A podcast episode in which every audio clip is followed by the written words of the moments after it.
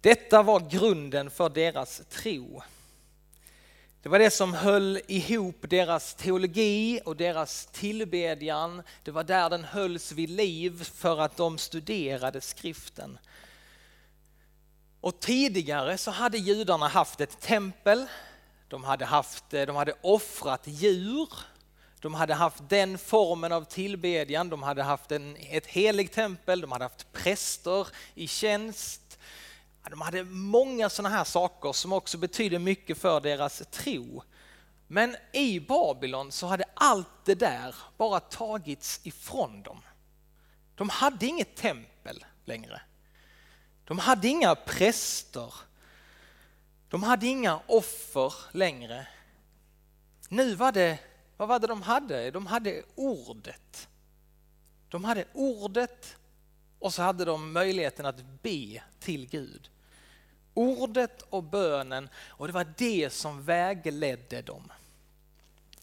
Vi börjar att läsa nu en liten inledning så ska vi få se lite smakprov på detta.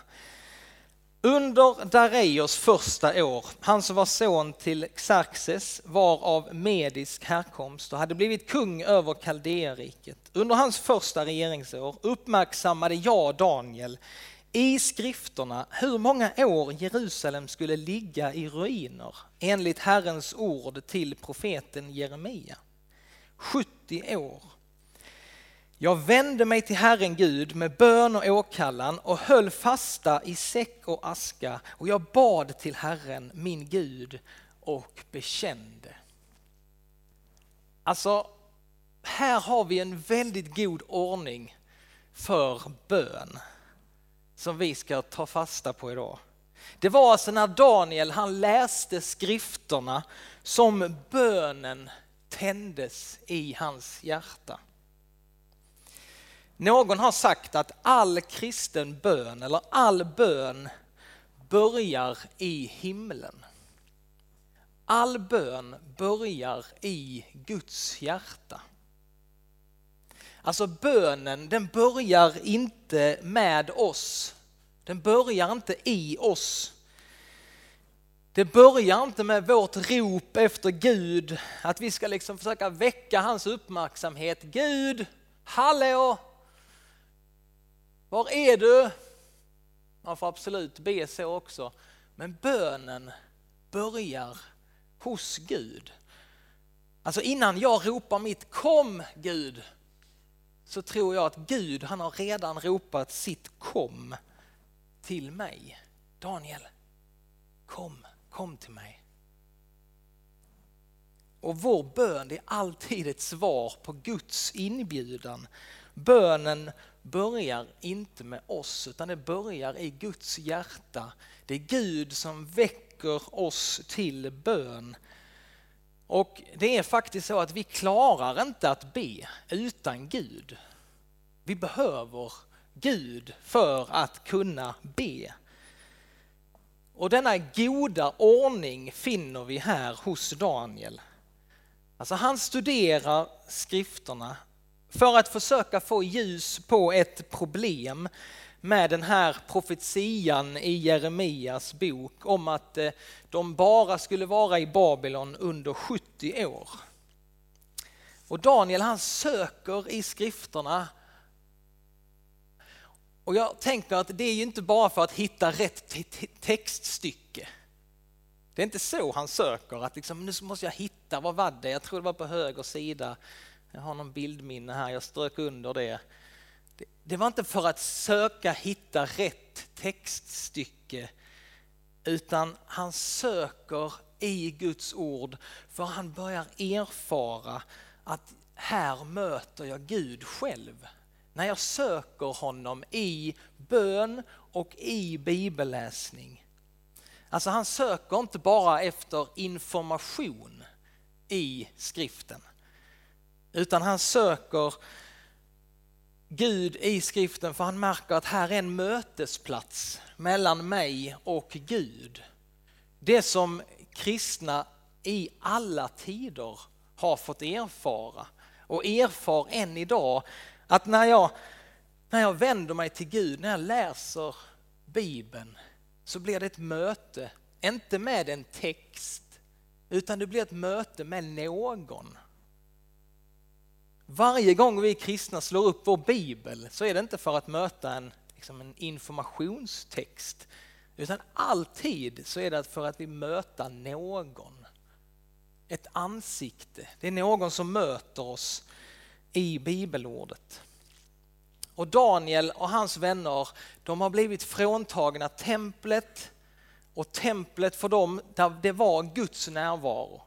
Guds närvaro var knutet till templet. Det var där liksom man vände sitt ansikte mot Gud. Det var där man sökte sig för att komma in i hans närvaro. Det var där man liksom fick den där, ja, åh, så gott att få komma till templet för att söka Gud. Där, alltså vi har sådana fantastiska böner i Saltaren och i Bibeln också där Guds folk bara, åh, tänk att få komma till Herrens tempel, få söka svar där i hans närhet, få vända mig till honom.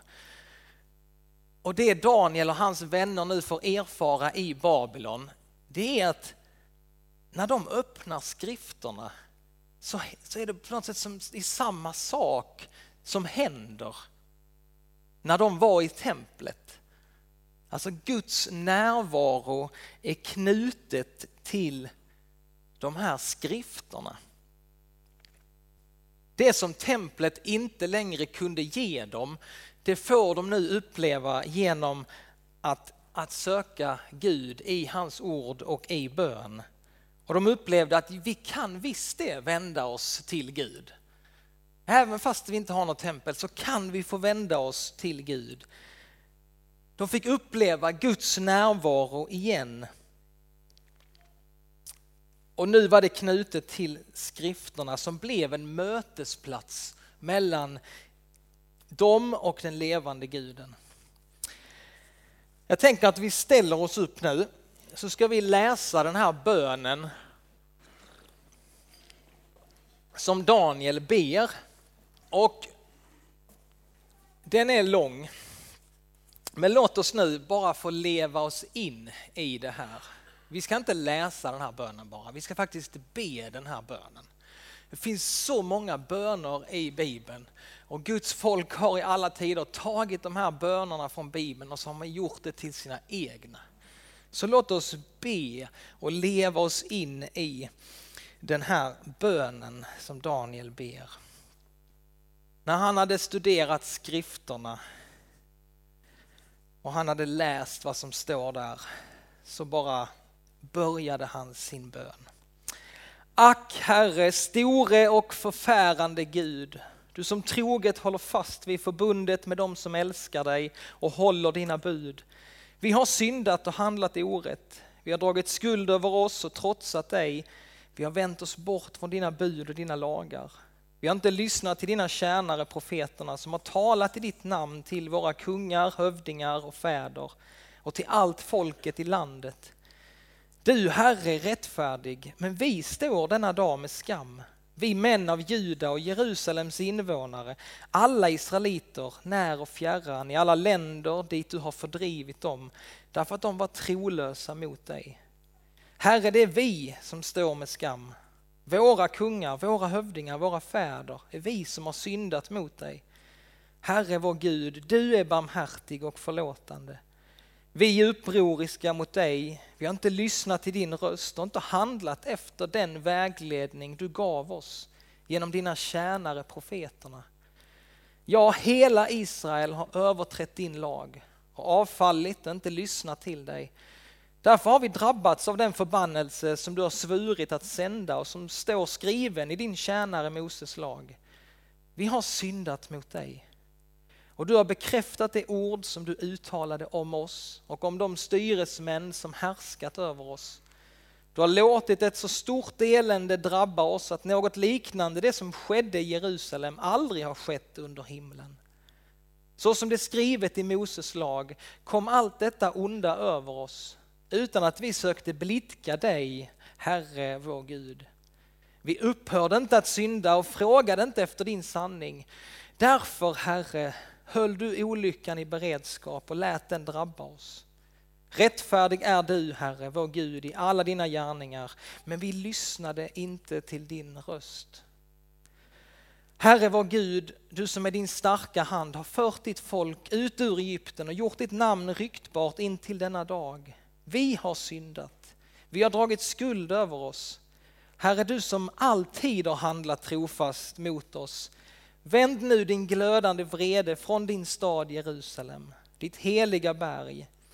Våra synder och våra fäders missgärningar har dragit vanära över Jerusalem och ditt folk inför alla som bor omkring oss. Hör du vår Gud, din tjänares bön och åkallan och låt för din egen skull, Herre, ditt ansikte lysa över ditt tempel som ligger ödelagt.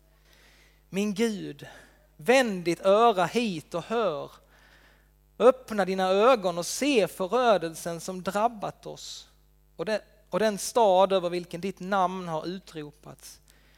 Vi litar inte till vår egen rättfärdighet när vi kommer inför dig med våra böner, utan till din stora barmhärtighet. Herre, hör. Herre, förlåt. Herre, lyssna och grip in. För din egen skull, min Gud, dröj inte. Ty över din stad och ditt folk har ditt namn utropats. Och medan jag ännu bad och bekände min egen och mitt folks Israels synd inför Herren min Gud och bar fram min bön för hans heliga berg. Ja, medan jag ännu bad min bön kom Gabriel, som jag förutsåg i min syn, mot mig i ilande flykt. Det var vid tiden för kvällsoffret och han kom fram och talade till mig. Daniel, nu har jag begett mig hit för att ge dig full insikt och redan när du började din bön gavs ett svar. Och jag har kommit för att meddela dig det, ty du är högt älskad. Lägg nu märke till svaret så att du förstår synen. Så lyder Herrens ord. Gud, vi tackar dig. Varsågoda och sitt. Det finns vissa sådana liksom, mönsterböner i Bibeln som bara... Ah, det här är en sån. Alltså lev gärna med den här bönen. Be den varje dag, veckan som kommer. Fortsätt att liksom, lev dig in i den här bönen. Låt dig drabbas av Daniels ord.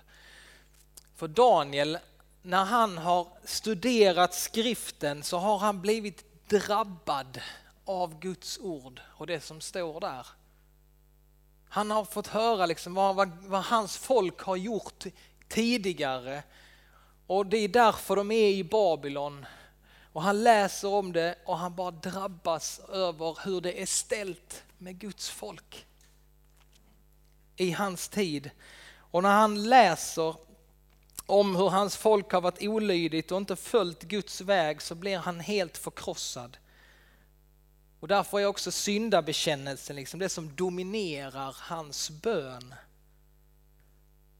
Och det är ofta så när vi människor kommer in i Guds närvaro, in i hans helighet, då är det ofta en känsla av att, ah, att jag är ovärdig.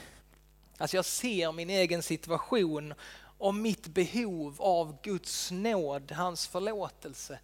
Bara utan dig så är jag förlorad. Jesaja han kände ju samma sak när han kom inför Guds helighet. Jesaja han säger ve mig, jag förgås. Jag har orena läppar och jag bor bland ett folk som har orena läppar. Och Daniels bön, han ber en vi-bön. Han ber en vi-bön på samma sätt som Jesus lärde oss att be. Va? När han, när han lärde oss att be vår fader, vi ska inte be min fader som är i himmelen, utan vi ska be vår fader som är i himmelen.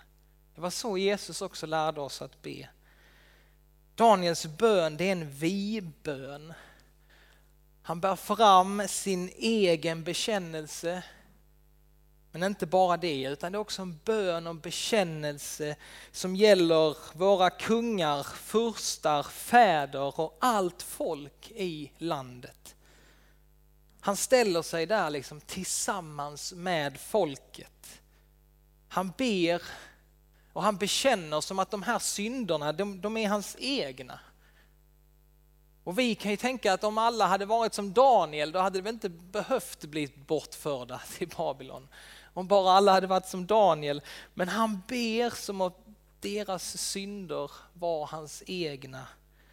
Hans omsorg i bönen, det är inte bara om sitt eget liv utan han drar in liksom hela församlingen, hela den nation som han tillhörde. Och genom att läsa Guds ord, genom att läsa skrifterna så såg han sitt tillstånd och så såg han sitt folks tillstånd. Och han ber nu för folket på samma sätt som vi kan se att Mose bad för folket. På samma sätt som Abraham bad för folket.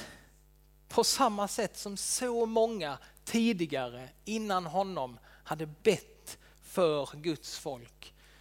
Flera kungar, profeter, salmister, vanliga människor som bara hade drabbats av det här.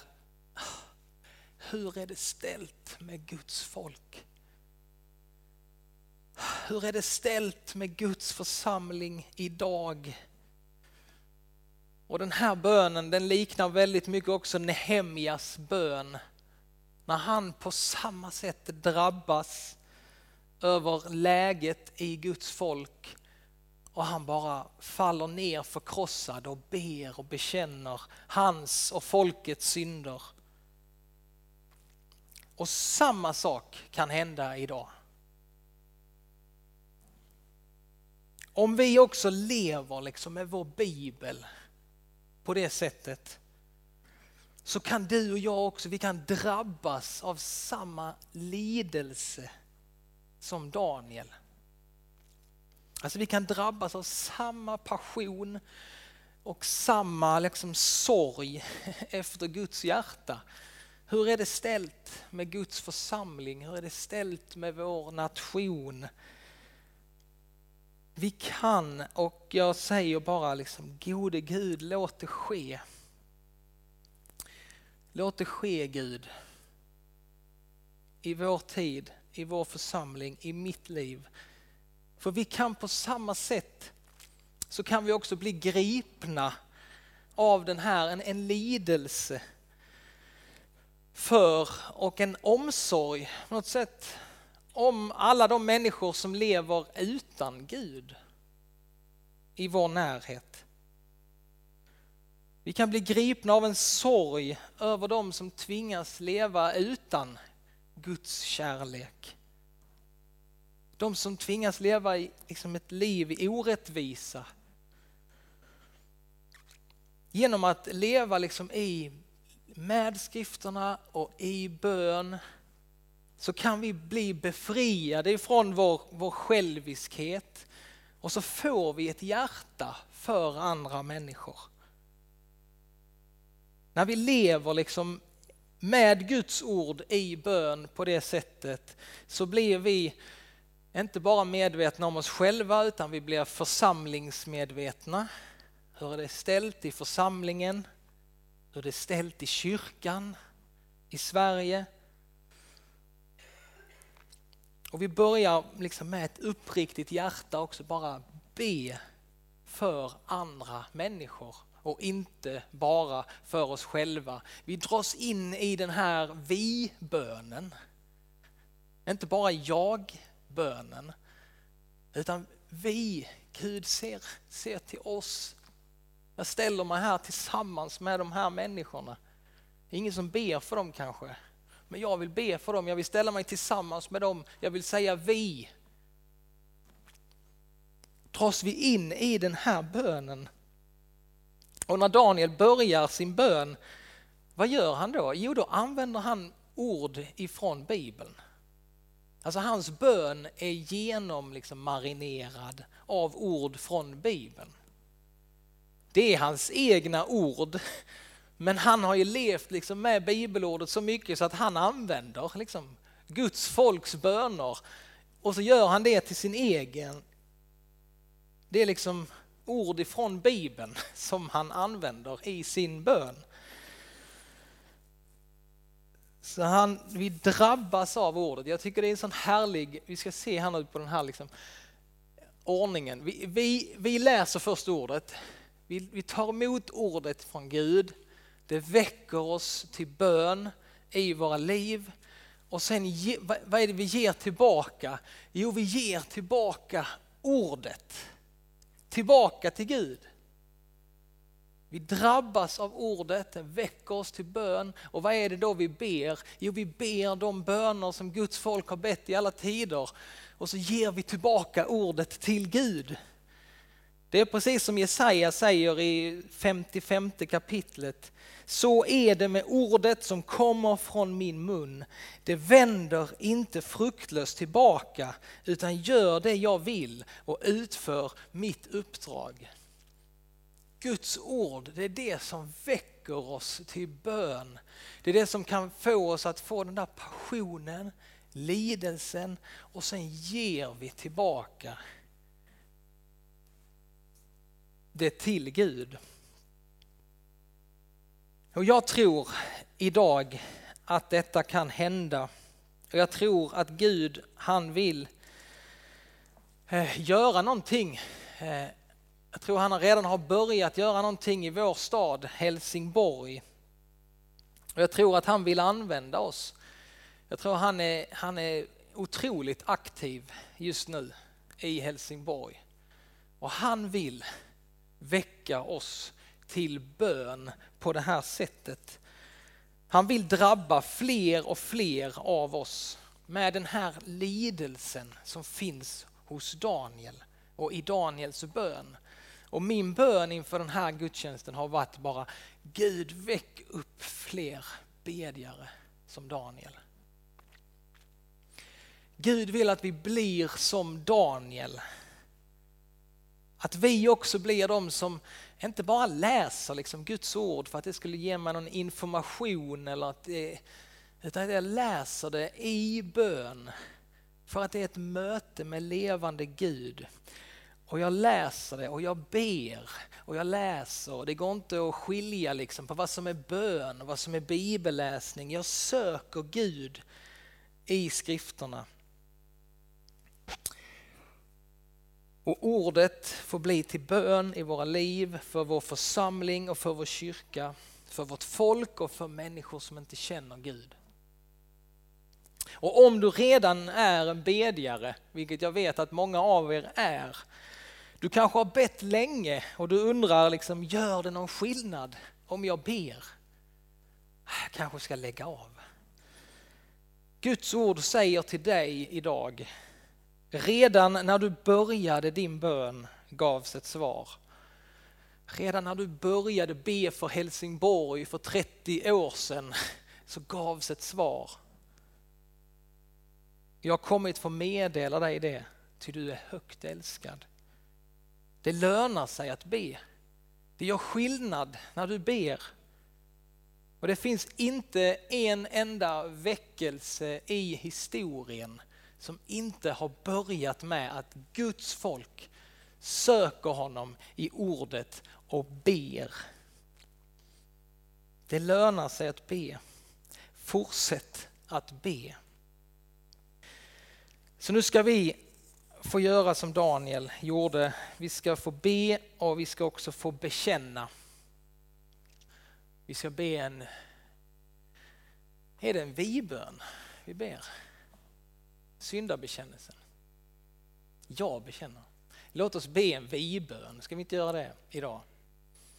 Vi ber inte någon Jag-bön idag. Kanske ska vi ändra den. Vi ber en Vi-bön. Och vi drar in liksom, våra liv. Vi drar in vår församling, vi drar in vår stad. Vi ställer oss tillsammans med folket och så ber vi om Guds barmhärtighet. Låt oss be och bekänna vi bekänner inför dig, helige Gud, att vi ofta och på många sätt har syndat med tankar, ord och gärningar. Tänk på oss i barmhärtighet och förlåt oss för Jesu Kristi skull vad vi har brutit. Herre, hör nu varje hjärtas tysta bön och bekännelse.